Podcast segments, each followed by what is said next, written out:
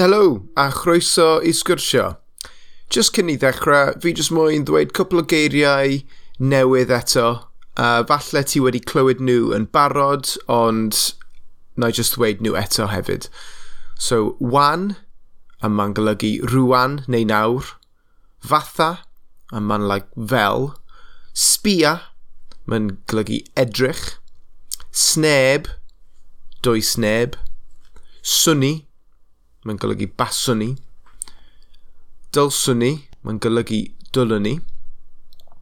Arwain, tylid, a tafodiaeth yw dialect. Gobeithio popeth yn iawn gyda chi a chroeso i sgwrsio.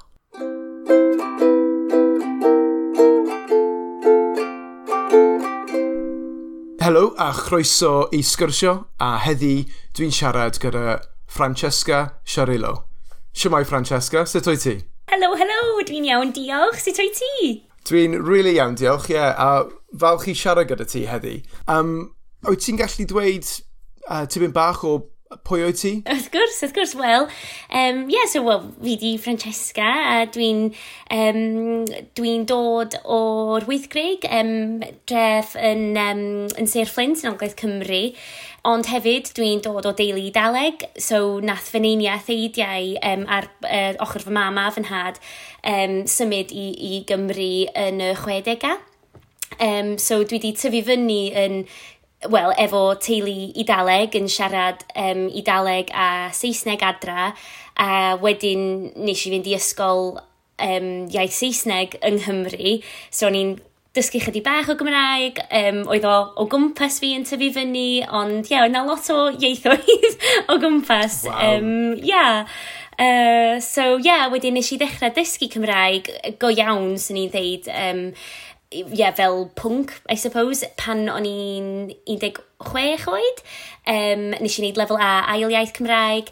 Ac wedyn nes i symud i Fangor ar gyfer brifysgol um, i wneud llenyddiau Saesneg, um, ond oherwydd o'n i'n byw ym Mangor, o'n i'n o gwmpas lot o siaradwyr Cymraeg, ac o'n i efo'r cyfle i ddefnyddio fo am y tro gyntaf, really, mewn ffordd fatha croesi'r bont um, o'r bod yn yr ysgol, bod yn y dosbarth, ac wedyn mynd allan yn y cymuned, defnyddio Cymraeg, wneud camgymeriadau. Um, so, ie, yeah, dyma fi, really. o, oh, fab, diolch. Um, na i dod nôl i cwpl o cwestiynau yma, ond diolch am um, yr hyflwyniad. So, ble o'i ti'n byw eto, sori? So, gog, um, gogledd dwy rhain, dwedais ti? Yndw, ie. Yeah. So, dwi'n dwi, dod o wyddgrig yn reiddiol, ond dwi wedi symud i pentref bach yn Sir Dimbych wan, so dwi just yn y sir nesau, Sir, sir Flint, so dwi ddim wedi symud um, mor bell i, uh, i ffwr. Ond, ie, yeah. um, yeah, dwi'n byw um, yn rhew, pentref bach, just, just tu allan rhythyn. So, um, so yeah, mae'n ma neis dwi wedi bod yma am just dros flwyddyn wan, so dwi dal yn dod, dod yn arfer, really, efo, efo yr adael newydd ma. Um, ond mae'n lyflu a mae pawb wedi bod mor groesawgar. a ie, yeah, mae'n ma ma really neis. Nice. A yn y, yn y pentre ti, oes lot o siaradwyr Cymraeg yna, neu, neu hanner a hanner? Neu... Oes, sy'n ni'n deud mae'n eitha, ie, yeah, hanner-hanner sy'n ni'n deud. Mm. Oedd o'n ffynnu pan, pan nes i ddod i, i weld y tŷ am y tro gyntaf Ac wrth gwrs oedd yn ystod yr cyfnod clo, a doeddwn ni ddim yn gallu really, like, siarad efo pobl yn iawn, a nes i, nes i fynd at y drws, ac oedd y uh, dynas drws nesa um, yn dod allan o car hi, a nath i'n edrych i fyny a mynd fel, hello, efo masg ar, ac o'n i efo masg hefyd, ac o'n i fel, hello, ac nath i just sbio ato fi, a nath i'n mynd fel, oh, Cymraeg, da chi? Ac o'n i fel, oh, hello, uh, well, kind, well, yn dw, well, i daleg, ond Cymraeg hefyd, o, oh, diolch. Ac o'n i fel, o, oh, oh, waw, mae hynna'n gret, achos dwi, dwi ddim di really, ie, yeah, oedd e just mor lyflu fel y person well, gyntaf o'n i'n gyfarfod. a sut digwyddodd e? Sut, sut Um, oedd o mor random, oedd o hollol random. Nes yeah. i literally just mynd at y tŷ i gael, gael look am y tro gynta. Um, a nath y dynas dros nesaf cyrraedd, wel mam, y dynas dros nesaf, nath hi mm. uh, mynd i, i weld y merch i. A nath i just popio allan o'r car gweld fi. A oedd hi kind of sbio at fi fatha, yn rhoi look fatha, hmm, Cymraeg ni ddim. Dwi'n gwybod, oedd o fel fatha Cymraeg dar, fel, fel geidar, ond efo Cymraeg. Oedd o bach yn strange. Cymraeg da. Os mae'n am peth, dwi'n mwyn gwybod. Ond uh, oedd o bach yn yeah. strange, really. Oedd hi'n sbio arna fi fel, hmm, hmm, dwi'n mwyn yeah. gwybod. Ond, um, na, ma, ma, yeah, sy'n i'n deud y pentre yma eitha, mae'n a lot o siaradwyr um, o gwmpas. Ma, on, hwn oedd rhan anferth o'r penderfyniad fi i, i yeah. symud i fama, achos o'n i isio, o ie, yeah, o'n i isio gael mwy o gyfleoedd, really, i ddefnyddio Cymraeg a, uh, yeah, well, mm. just byw bywyd fi yn Gymraeg, really. Dwi'n absolutely caru y concept o'r Cymraeg da. um, achos it's a thing. Mae'n... Like, so dwi'n... Pan dwi'n gweithio, um, neu pan ti'n just mynd rhywle, a mae'n dibynnu be... Like, ti'n gallu clywed weithiau pan mae pobl yn ddweud pethau. Mm -hmm. um, obviously, uh, NY Cymraeg, o NY Gymru, mm -hmm. you know, if they roll on a, ti'n gwybod, siwr o fod maen nhw'n siaradwyr Gymraeg. yeah. Ond um, dwi wedi cael pobl nawr sy'n ofyn fi, o, ti'n siarad Gymraeg? Mm. Um, achos, uh, siwr o fod, y, y ffordd dwi'n siarad Saesneg wedi newid tipyn bach, yn wedig pan dwi'n dweud, geiriau Cymraeg, you know, Aberystwyth neu rhywbeth. Os ti'n mm. dweud Aberystwyth, dim Aberystwyth. Neu, like, maen nhw, oh, okay, yeah, yeah, yeah. Um, Mae'n ma kind of nice achos dydw i ddim yn bosib i gwybod pwy sy'n siarad Gymraeg. Mm. Obviously mae fel lanyards and stuff, ond just day to day, sneb yn gwisgo nhw, you know, and they shouldn't. Um, Ond ie, yeah, well, mae ma hwn yn cool. A so, mae nhw'n byw drws nesa? Yndi, ie, yeah, so mae'r dynas drws nesa, um, mae hi'n lyflu, mae, so mae hi'n siarad Cymraeg, mae hi o'r adael yma. Um, a da ni wedi cyfarfod dipyn o pobl wan yn y pentref, ond hefyd yn, yn rhythyn neu hun. Ie, yeah, mae'n just, mae just neis teimlo fel ti rhan o gymuned, a um, yeah, na, mae'n hyfryd, mae pawb wedi bod yn really, really croesawgar, a mae'n ma, ma lyflu, mae'n really neis. O, oh, fi'n falch i glywed, mae hyn yn pwysig, os ti'n symud rhywle newydd, mm. mae'n really pwysig i cael y croesawgar fel na. O, oh, yn bendant, yeah. yn bendant. Oedd yeah. o'n, on peth mawr i, i ni, achos mae cariad fi um, yn byw, wel, mae o'n dod o Gynarfon, a dwi'n dod o Sir Flint, felly oeddwn ni mm. isio rhywle nid necessarily yn y canol, ond rhywle agos i'r ddau o'n ni gwaith, a um, oeddwn ni'n, ie, yeah, pan nath ni fynd just am dro yn rhythyn un diwrnod, oeddwn ni'n feddwl, o, oh, mae'r ma lle ma'n really neis, a nath ni popio mm. fewn i siop, ac oedd y pobl yn y siop yn siarad Cymraeg, ac eto oedden nhw mor grisawgar, a wan, da ni'n mynd yna trwy amser, na, da ni'n popio i ddeud hello, a pethau fel yna, so mae'n ma just neis teimlo fel da ni hefyd yn, yn neud um, fatha conscious effort mewn ffordd i, i neu siŵr bod da ni'n trio um, ffitio fewn yn y cymuned hefyd. Yn union, yn union, o, mae'n pwysig. A ydyn nhw'n dweud unrhyw geiriau wahanol? Like, ydy y tafodiaeth wahanol yn, yn, y, yn y le ti? Ie, yeah, ychydig bach, ond mae'n ma fach yn diddorol. E, wel, dwi'n ffeindio fo'n diddorol anyway, achos pan dwi'n siarad Cymraeg, mae lot o bobl yn deitha fi bod gennau um, acen eitha um, Gwynedd neu ac yn Cynarfon, Bangor, type o beth. A dwi'n mm. hollol, hollol meddwl mae hynna oherwydd fy nghariad, achos mae o'n siarad Cymraeg a dwi'n siarad Cymraeg efo fo bob dydd, a dwi'n siŵr hyn di, di um, cyfrannu at, uh, wel, y, y yeah. ffordd dwi'n siarad. Dylanwadu? Ie, yeah, yeah. dwi'n siŵr mae o di effeithio fi. Um, so, mm. dwi'n siŵr os, well, os tafod iaith fi yn strydebol i rhywun sy'n dod o Sir Flint, um, i fod yn onest. Um, ond, ie, yeah, mae yna dipyn o, dim nesaf y geiriau, ond y pronunciation dwi di sylwi efo, efo pobl yn Sir Ddimbych. Um, a ie, yeah, so pethau fel dwi'n defnyddio a yn lot o lefydd lle maen nhw'n defnyddio e fel um, adra yn lle adre, pethau, pethau fel na. Um, just pethau bach oh, so fel na. Maen nhw'n dweud adre? Adre, ie. Yeah. Dwi di sylwi. Oh, okay. Dwi'n ymddiheiro ymlaen llaw i unrhyw un o rythyn sy'n sy am yeah. gwrando ar hwn yn meddwl, na, dwi'n deud adra, neu dwi'n deud, os ma, dwi'n ymddiheiro ymlaen llaw. Yeah. Ond, uh, o fod, yeah. mae'n mae yeah, mae mae wahanol i yr acenion yn, yn, well, yn Granfon. Yn Definitely, ie. Yeah, tafodiaeth unigryw.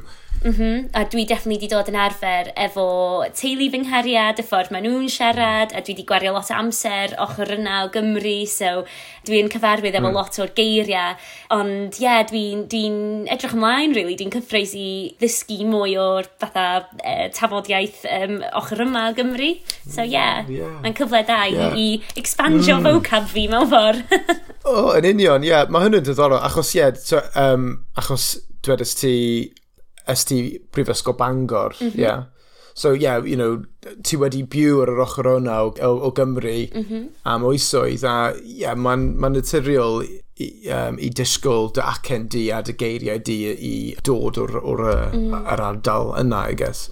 Um, ond hefyd, achos ni'n dysgwyr, ni'n eitha so gwybod y gair yn Gymraeg ond fel flexible gyda'r yeah, yeah. pethau ni'n dweud a defnyddio a dwi'n ffeindio, os dwi'n siarad gyda pobl o gogledd am spel, mm -hmm.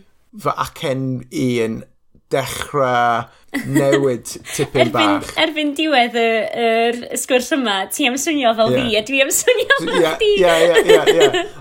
Ar y pwnc o'r iaithoedd, dwedais ti dy deulu di dod o'r um, yr Eidl. Mm -hmm. A so nes ti tyfu lan gyda'r yr iaith e-, Eidaleg, ie, ie, ie, Eidaleg, ie. So, oedd mam a dad, um, oedd nhw plant pan, pan nath nhw symud i'r gwad yma, so nath nhw tyfu fyny yn siarad Saesneg, ond yn adra um, oedd nhw'n siarad Eidaleg, ac hefyd oedd na cymuned mawr um, yn Sir Flint ar y pryd o pobl o'r Eidal nath symud i Gymru am, am waith. Uh, felly oedd ffrindiau nhw gyd um, yn Idaleg hefyd, so oedd nhw siarad Idaleg um, y rhan fwy o'r amser. Um, so ie, yeah, nath fi a fy chwaer, nath ni tyfu fyny um, efo Idaleg y mob man, a bob blwyddyn oedd ni'n mynd i'r Eidal. Mae'n ma ffynnu wan, um, achos dwi'n dwi edrych yn ôl a dwi'n meddwl, gosh, o'n i yr plentyn mwy olygus yn y byd i fynd i'r Eidal bob blwyddyn, um, gweld teulu, bita gymaint o bwyd, bwyd hyfryd.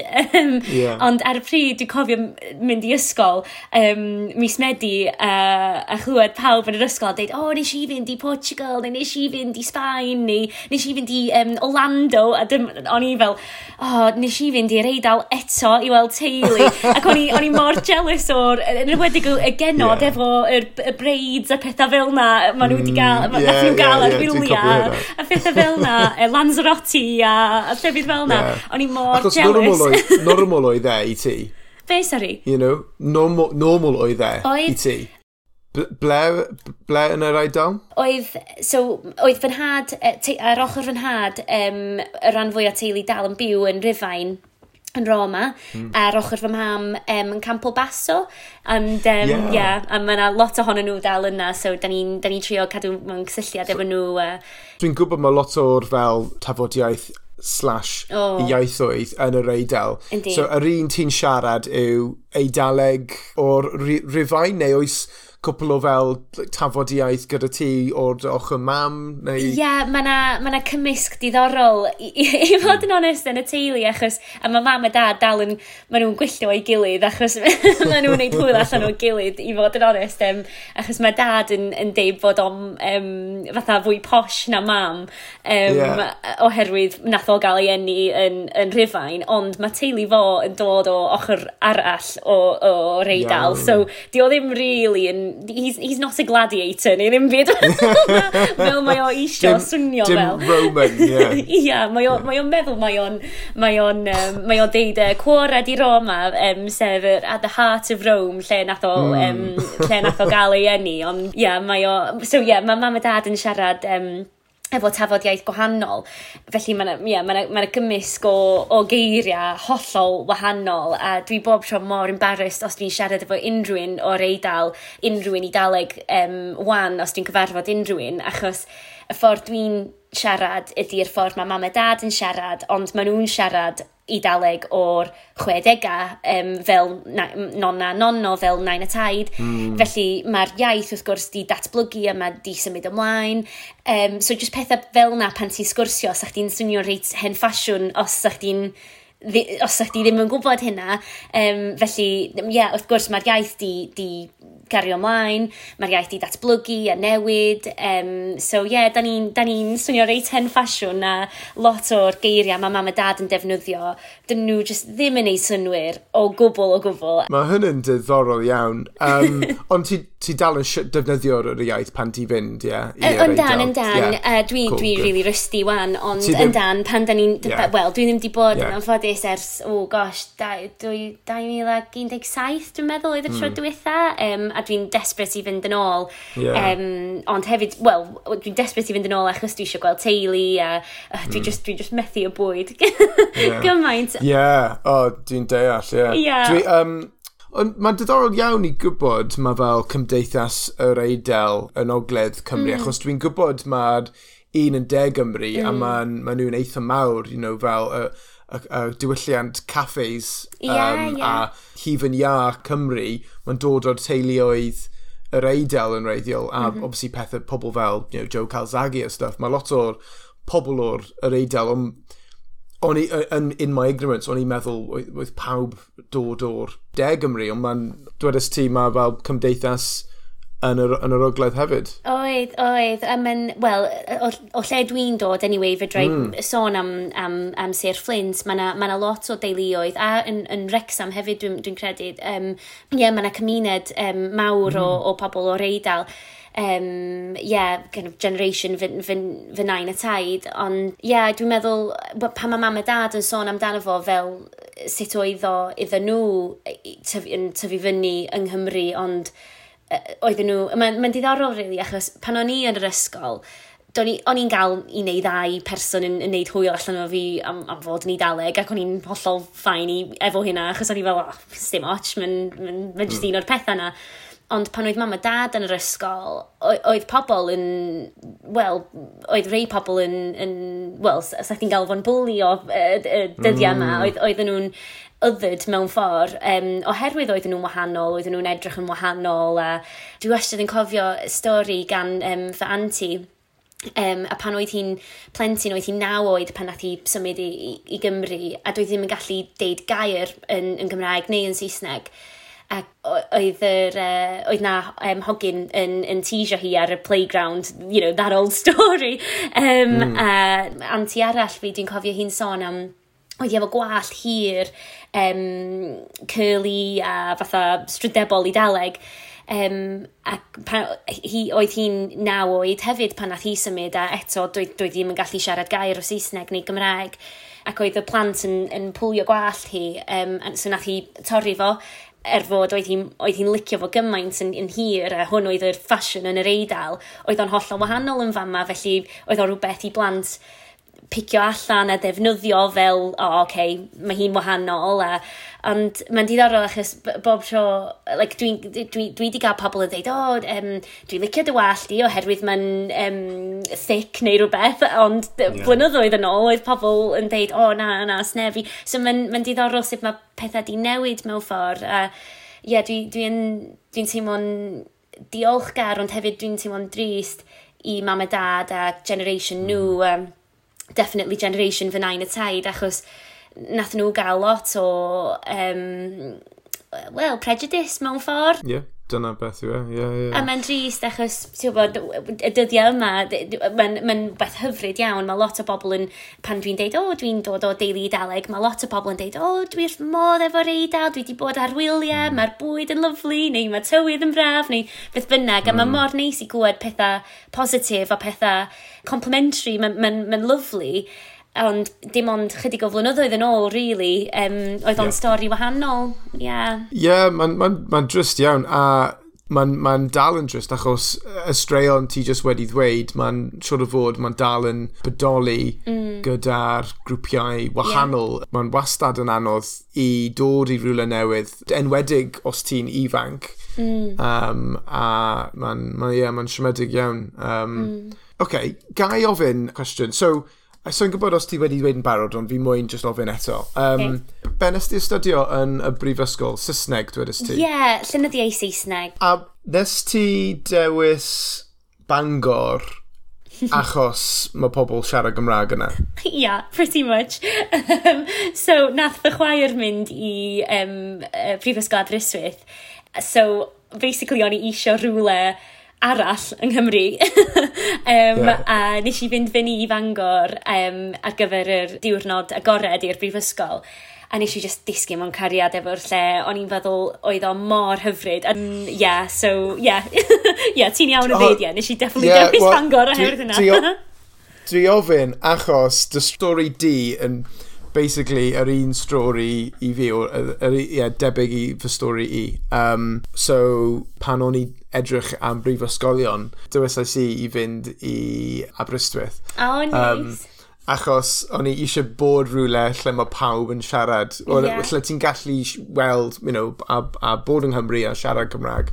Ond fi moyn siarad gyda ti mwy am dy, dy, dy swydd di os ti ddim yn meindio rhannu beth ti'n neud, achos roedd yn swnio'n diddorol. A ti'n neud e trwy'r Gymraeg, neu ti'n defnyddio bach o Gymraeg? Yndw, yndw. Dwi'n trio defnyddio, wel, gymaint o Gymraeg ehm, dwi'n gallu, really. So, mm. um, ar y funud, um, dwi'n gweithio fel um, y swyddog uh, cysylltiadau cyhoeddus, y PR um, dwi'n neud i cwmni uh, not-for-profit yn Sir Flint. Um, a basically, yr cwmni yn edrych ar ôl y rhan fwyaf o canolfan a hamdden a llyfgelloedd uh, yn Sir Flint. So, fel o'n i sôn, e, fel o'n i sôn gynnar, um, So nes i wneud llynyddiau Saesneg a dwi'n just hollol obsessed efo llyfrau a dallen, a dwi'n dallen trwy amser. Um, felly pan nes i weld swydd yn ddod fyny efo'r gwasanaeth llyfgelloedd, o'n i fel, oce, okay, yeah, dwi angen mynd amdano yeah. fo. Um, so yeah, so efo'r llyfgelloedd dwi'n neud um, bob math o bethau really, um, lot o bethau machnata a trio kind of annog pobl i ddefnyddio y llyfgelloedd a'r chanolfan a hamdden hefyd.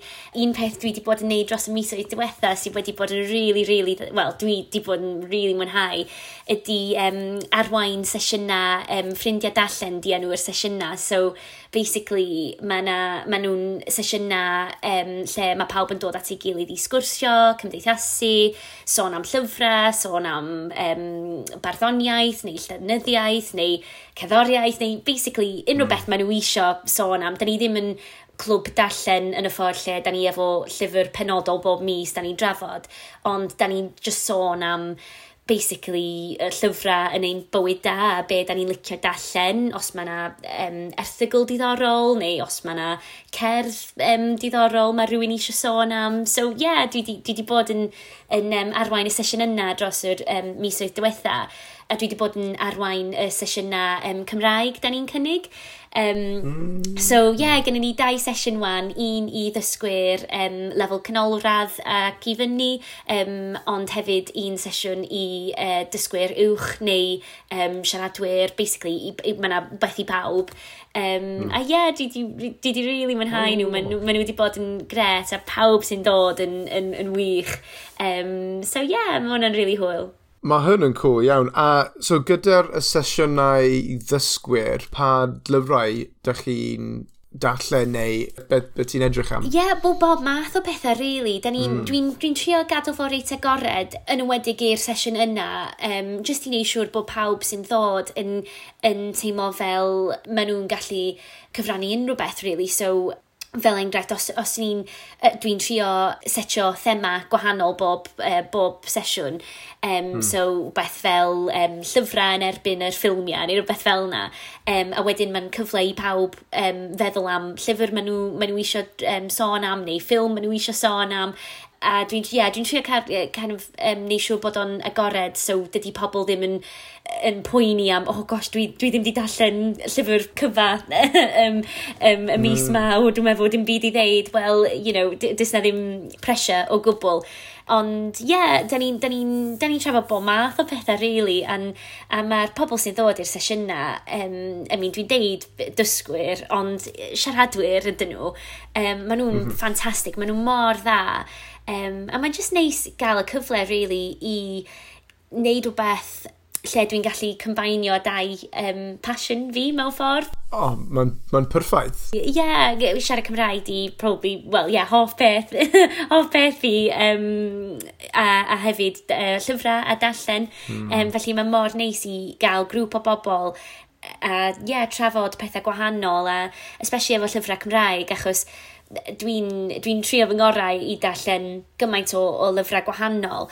Um, a dwi yn stryglo weithiau efo llyfrau Cymraeg um, a mae yn dwi'n cymryd bach fwy amser i ddallen nhw weithiau, um, ond mae hynna'n hollol ffain a dwi'n deud hyn i'r ddysgwyr eraill yn y grŵp achos bod, yr peth pwysig ydy, da ni'n trio a um, mae yna bob math o lyfrau bendigedig allan i ddysgwyr neu sy'n addas i, i ddysgwyr, felly mae'n ma, ffordd neis i ddathlu um, llenyddiaeth Cymraeg hefyd achos mm. mae hynna'n rili really pwysig, gen i ni gymaint o awduron arbennig, ffantastig yn y gwlad yma. Um, a ma, da ni angen dathlu nhw, dwi'n meddwl.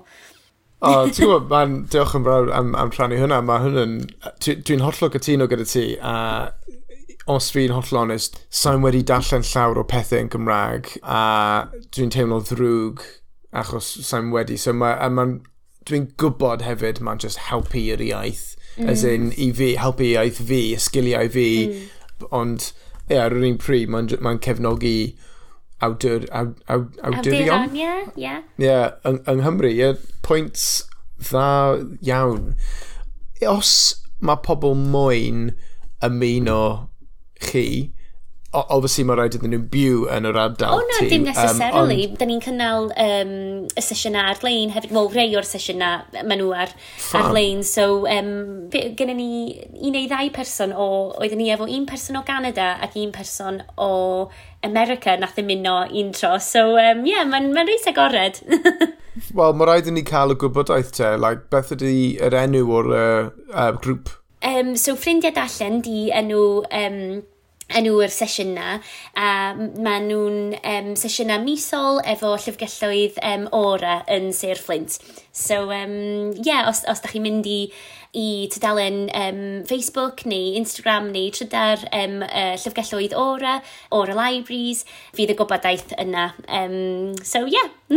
Fab. Mae'n really dda, ti'n mae ddau yn, yn bosib. A dwi'n credu mae'n rhyw rhywbeth positif i dod mas o'r pandemig, mae jyst wedi cysylltu pobl dros y byd, you know, ledled y byd. A mae'n hyfryd, really, a, a, fel, fel gwasanaeth llyfgelloedd hefyd, dwi'n dwi, teimlo'n cry fel dylsyn ni'n cynnig pethau fel hyn i'r cymuned. Um, Mae'n ma pwysig i'r cymuned gweld y llyfgell fel mwy na adeilad, ond rhywbeth sy'n um, sy'n gallu bod adre efo chdi uh, rhywbeth hollol agored i bawb, uh, efo rhywbeth i bawb.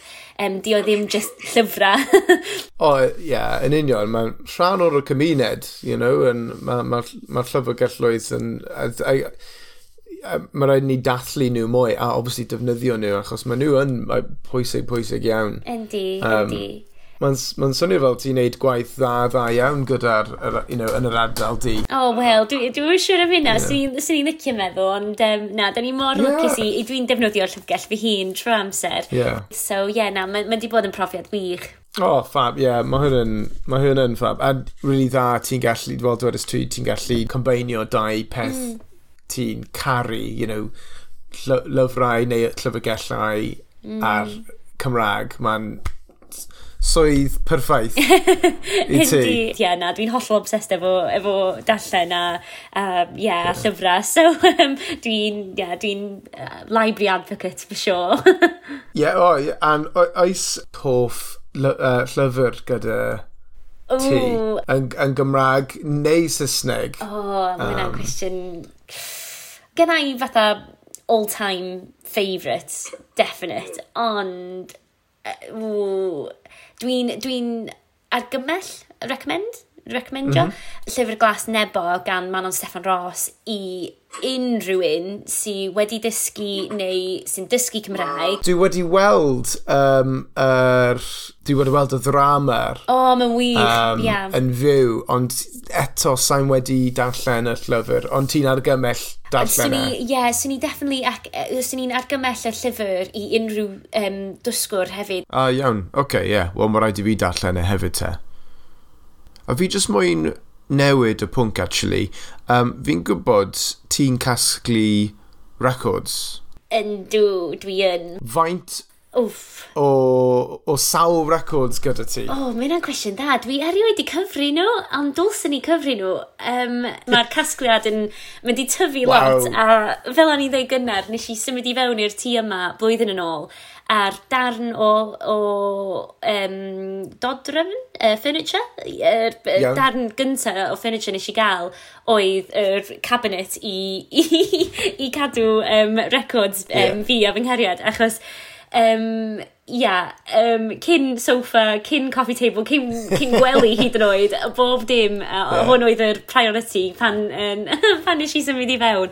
Well, um, so dwi, yeah, dwi erioed i cyfri nhw, ond yeah, mae'r ma cabinet yn llawn, so dwi angen prynu un arall. um, oh, a mae'r wow. cabinet reit fawr hefyd, so yeah, mae'n... Eitha lot. Yeah, gynnau, well, gynnau lot o... Mae dad um, di bod yn caredig iawn, mae o di... Wel, mae o'n ddeud fenthyg, ond um, di o ddim yn gael nhw'n nôl, no chance. mae dad di menthyg lot o, o hen recordio fo. Um, mae, bych mae o di spoilio fi, really, um, yn ymwedig efo hen recordio um, Pink Floyd fo, nice. achos nath o prynu nhw ar pryd pan nath nhw um, dod allan.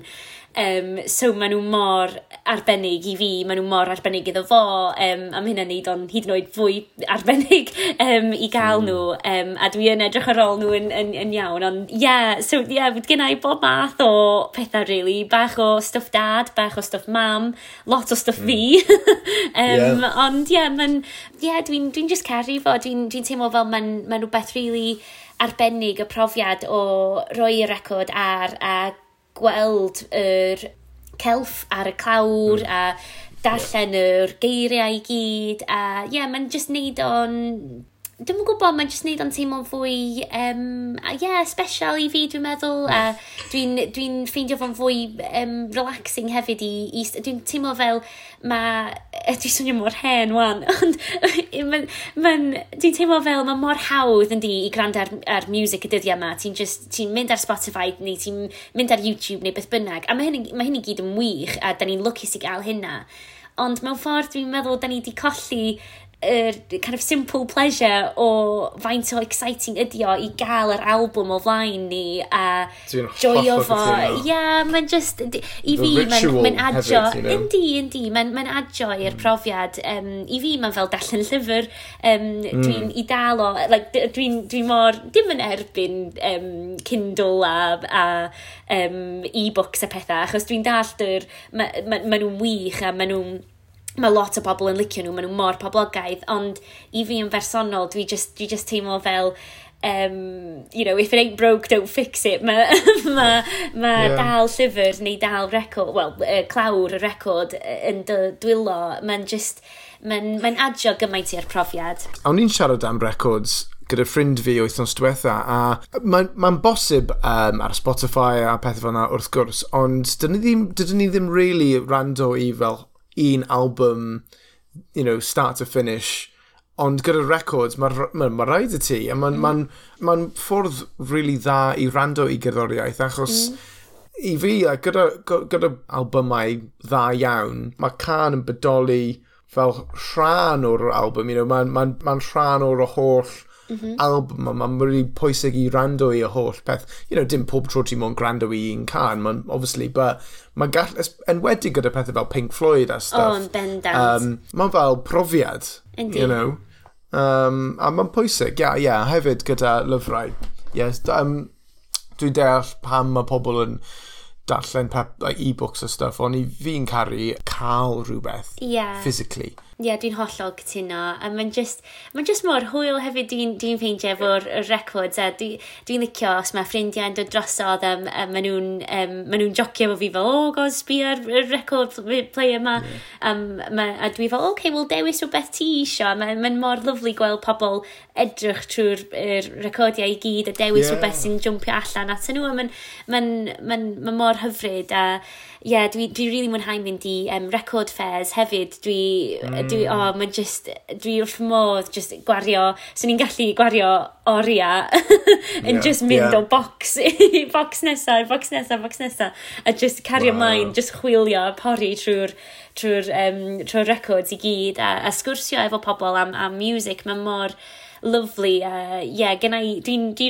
wel, dwi'n licio meddwl bod dwi'n reit eclectic efo, efo'r cerddoriaeth. Mm. A, um, yeah, weithiau mae'n, a weithiau ti'n ffeindio pobl sa'ch ti, ti erioed i, ti gwrando ar yeah. o, o blaen. Mm. A, a hefyd mae mor, dwi wedi ffeindio ers dechrau casglu rei um, newydd, dwi'n fan mawr o Nick Cave fel enghraifft a mae, mae o di um, rhyddhau dipyn o'r recordiau dros y, y blynyddoedd dwytha a mae'n di bod mor exciting pan mae'r ma art artist ti'n licio yn, yn, yn ansio, o, oh, okay, dwi efo album sy'n dod allan yn mis, beth bynnag, a wedyn ti'n disgwyl yr holl amser na, ti'n mynd i'r siop record, mm. a ti'n picio fy fyny, a ti'n cerdded allan efo fo yn mor mm. gyffroes i, i fynd adra, i grand arno fo, mae'n just, ie, yeah, mae'n yeah. ma rhywbeth reit syml iddo fo, ond hefyd mae mor... Um, yeah, once you go record player, that's it. yeah, ti byth yn troi'n ôl. Dwi'n dychmygu, ie. Yeah. A, a mae hefyd mae fel, ti'n neud mwy o'r peth o'r proses, you know, mm. ti'n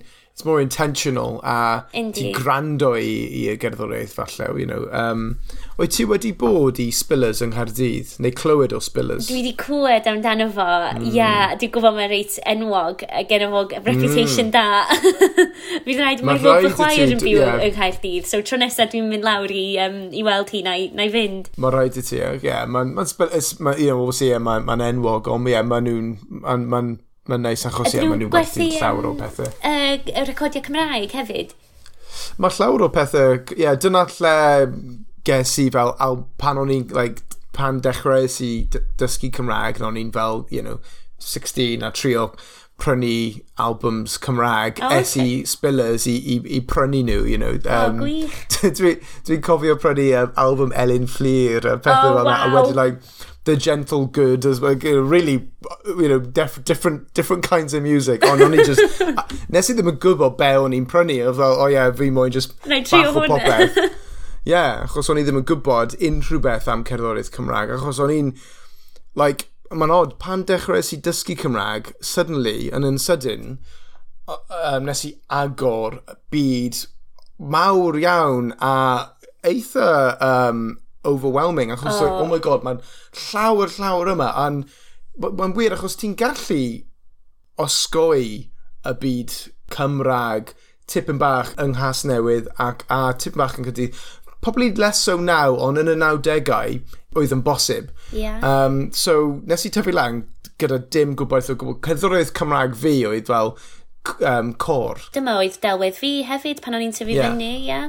Yeah. A wedyn, suddenly, o'n i just fel, oh my god, mae fel hip-hop Cymraeg, mae punk Cymraeg, mae popeth mae oedd yn, ie, yeah, arbennig. Ond gymaint um, o bandiau mm. ac artistiaid anhygoel Cymraeg hefyd, yeah. a mae'n ma frustrating mewn ffordd bod dwi'n meddwl mae lot o nhw yn, yn gael eu brandio mewn ffordd fel o, oh, just band Cymraeg neu ach, achos maen ma, ma nhw'n artist, maen nhw'n dim ots pa iaith maen nhw'n canu neu chwarae, mae'r yeah. ma, ma music nhw mor valid.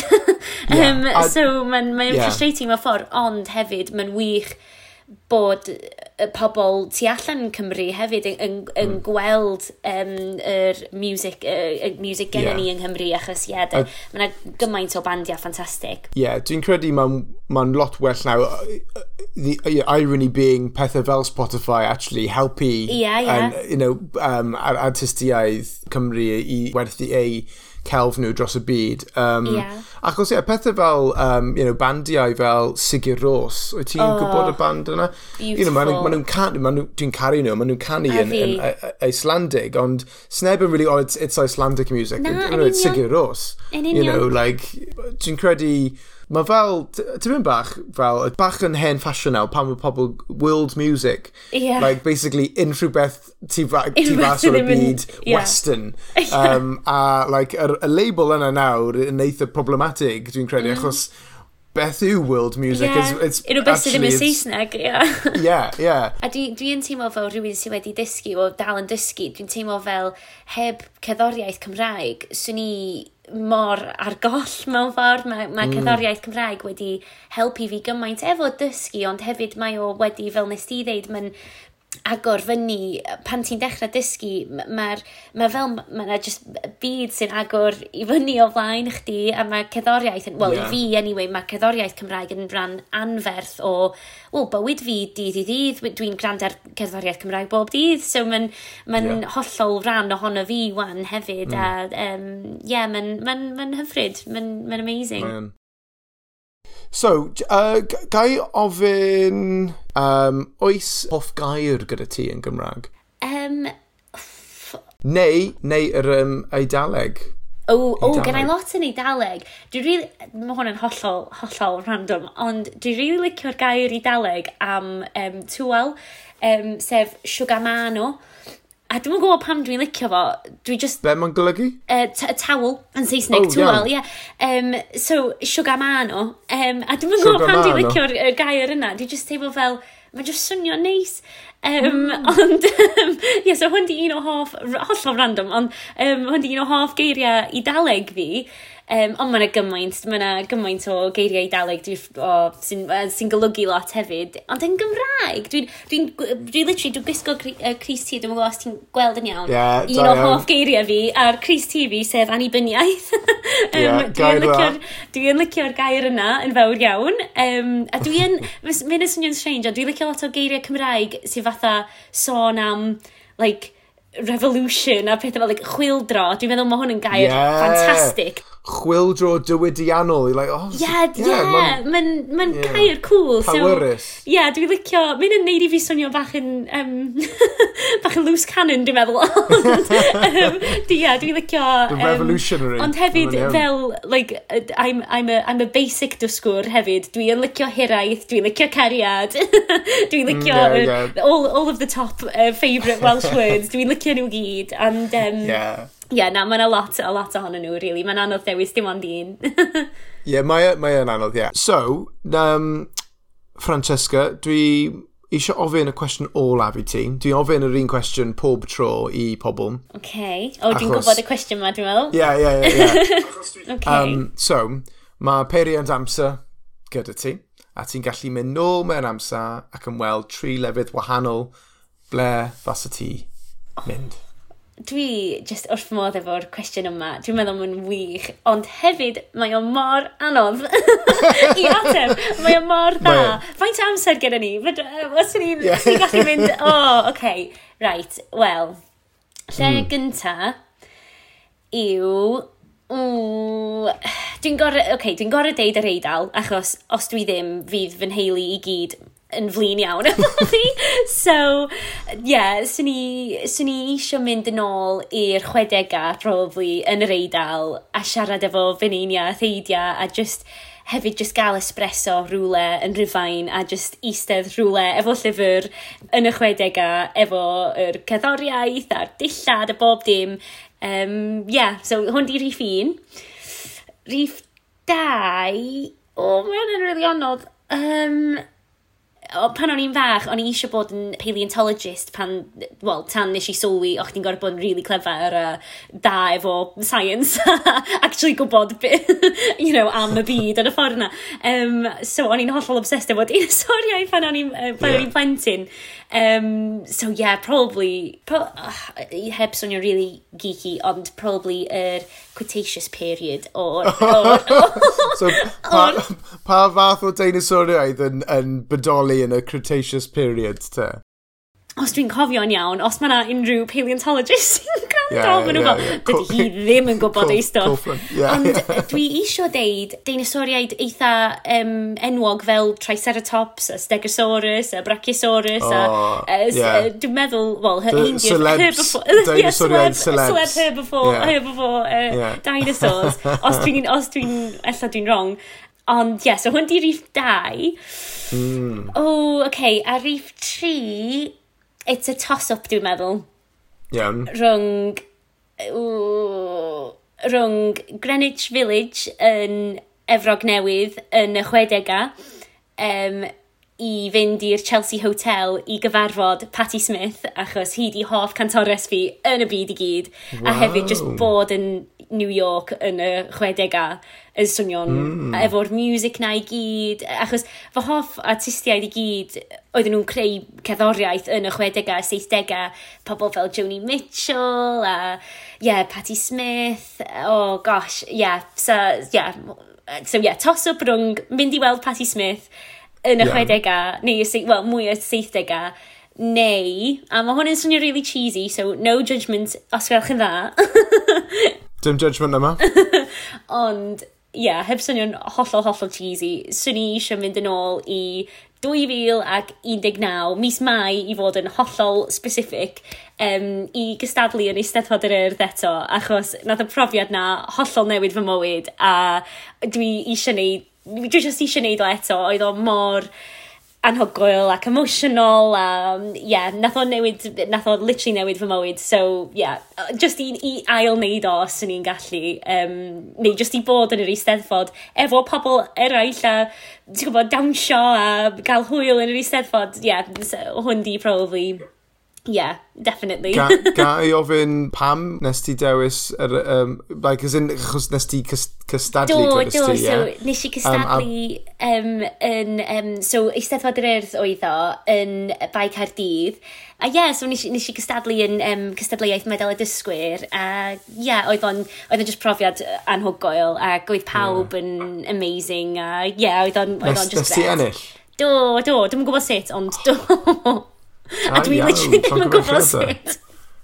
Honestly, oedd o'n i'n... Ac oedd o'n ffynnu achos oedd dad bechod. Nath dad dod lawr yn ymwedig i, i weld yr, y seremony a doedd o ddim efo syniad be oedd yn mynd ymlaen. Ac oedd o'n yeah. eistedd like, ar yr un res na fi ac doedd o ddim yn sylwi, yn yr eisteddfod maen nhw'n um, maen nhw ddeud pwy sydd wedi ennill cyn deud pwy sydd wedi dod yn trydydd ac yn ail ac oedd dad yn feddwl o'n i'n trydydd. Um, so nath nhw ddeud enw fi fel, um, o, oh, er, enillwyr, um, enillydd yw Francesca Siarillo. Nath, nath yeah. dad mi fel, ie, yeah, brafo, Francesca, brafo! Ac oedd yr, uh, nath o'n mynd fel, ah, third place, well done, carry like, da iawn! Um, a dyma'r boi dros nesaf efo yn mynd fel, na, na, na, that's your daughter, oh no, she, she's won! Ac oedd fy nhad fel, oh, mam, oh, oh, my god! Oedd o'n mor hapus, oh, bechod, so, um, oedd o'n mor hyfryd hyfryd. Arbennig. Ie, yeah, oedd o'n, profiad hyfryd i rannu fo efo fo hefyd. A dwi, dwi just cofio pan nes i fynd fyny i'r llwyfan nes i... Um, o'n i just meddwl am nain y taid, dwi'n gwybod mae'n swnio'n sili, ond o'n i just feddwl, waw, nath nhw, oedden nhw mor tlawd, oedden nhw mor nath, nath na, na nono, um, nono uh, ar ochr fy, fy mam, nath o gael ei enni mewn ban o, efo ran i feiliaid o gwmpas o.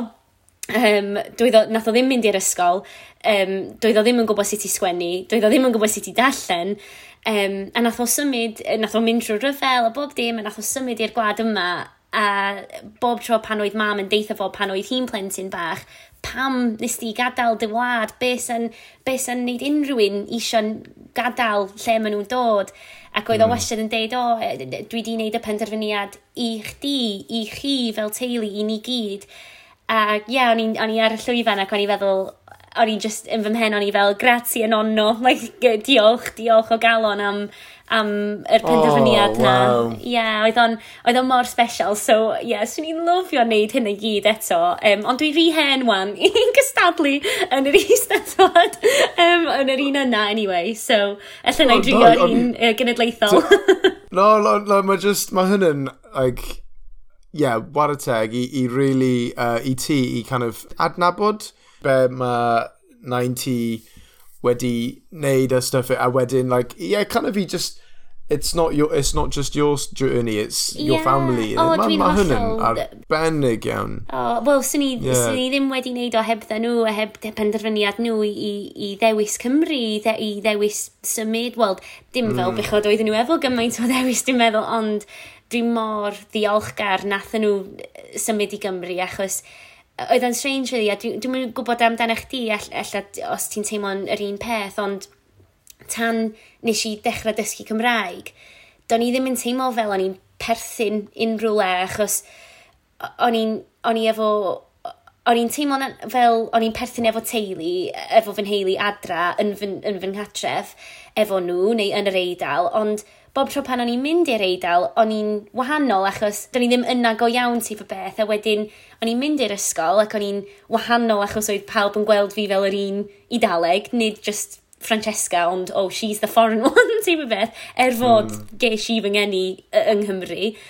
Um, a wedyn, all of a sudden, nes i darganfod Cymraeg, ac oedd o fel, dwi'n yn gwybod, oedd o just fel nath rhywbeth clicio, ac o'n i fel, oce, okay, mae hwn yn perthyn i fi, yr iaith yma, dyma, dyma fi. Um, a ie, yeah, o'n i'n just teimlo fel o'n i'n perthyn am y tro gynta. A ie, yeah, eto, efo'r Eisteddfod, o'n i'n dwi'n just cofio a, a meddwl, dwi'n mor lwcus i fod yma um, a dwi'n dwi mor ddiolchgar um, just achos mae mor neis, fel rhywun sy'n gwybod sut mae'n teimlo i ddim berthyn, mae mor neis i, dwi just byth isio, I don't want to ever take it for granted. Ti'n gwybod dwi'n meddwl, like, dwi'n, yeah, dwi just mor lwcus. A, yeah, mae hyn i gyd oherwydd fy, fy neinia a theidia, so, yeah, na, sy'n i'n licio meddwl sy'n nhw'n hapus uh, efo penderfyn, well, efo ei, ei benderfyniad, ond, uh, yeah. yeah, ddysgu Cymraeg wedi helpu uh, hunaniaeth fi. Mm. A hefyd just, um, I mean, fi wedi dweud hynna i llawer, llawer, ond just i gwybod mwy nag un iaith yn just helpu ti gyda'r parch, gyda deallgar, I don't know, understanding, yeah, respect, you know popeth. Um, yeah. Ti'n gwybod mae ma yna mwy nag un ffwrdd i wneud a ddweud neu gweud unrhyw beth. yn union, um, yn union. A hefyd um, mae'n cyfle amazing i gyfarfod pobl newydd a cysylltu efo pobl. Ie, yeah, dwi, I mean, dwi wedi cyrll pobl diddorol iawn trwy'r y bodlediad. Um, yeah, a dwi'n edrych ymlaen i ysteddfod, achos siwr o fod, na i gobeithio ti'n gallu cyrraedd pawb. yeah, but like, oh, hey, you know, spoke to yeah. you, spoke to you. Yeah, dwi'n really edrych ymlaen. Um, oh, uh, so, a fi, dwi'n yeah, methu um, disgwyl. Oh. Yeah, yeah, yeah, yeah, wrth gwrs, yeah. Francesca, diolch yn fawr iawn. Mae wedi bod pleser i, i siarad gyda ti a i ffeindio mas uh, mwy am dy daith di gyda Gymraeg a beth ti'n neud trwy'r Gymraeg. Ie, yeah, diolch yn fawr iawn a pob lyc gyda, gyda popeth. A gobeithio, weld ti yn yr ysteddfod eleni. Gawn ni weld. Ie, yeah, o oh, diolch, o oh, gobeithio hefyd. Na, diolch yn fawr, fawr iawn am, am y gwahoddiad i, i fod yma i siarad efo chdi. Mae'n di bod yn, mae di bod yn lyflu. A ie, yeah, dwi edrych ymlaen gael paint neu glas o wyn neu, o, o, neu a, a soft drink of your choice yn yr Eisteddfod. o, paint. Um, o, paint, da iawn, ie. O, gwych, diolch yn fawr iawn. Hwyl fawr. Hwyl. Ta-ra, ta-ra. Wel dyna ni. Cofio, ti'n gallu ddilyn ni ar Instagram, Twitter, Facebook. A hefyd dwi jyst moyn dweud diolch i chi. Achos dwi wedi cael llawer o'r cefnogiaeth a pobl sydd wedi dweud wrth ei maen nhw'n really hoffi y podlediad. A mae'n jyst golygu llawer, mae'n really helpu fi. Achos dwi'n neud popeth ar fy hen fy hunan. Ie, yeah, a mae'n jyst golygu llawer i fi. So just diolch yn fawr iawn. A, ie, yeah, Hwyl Fawr.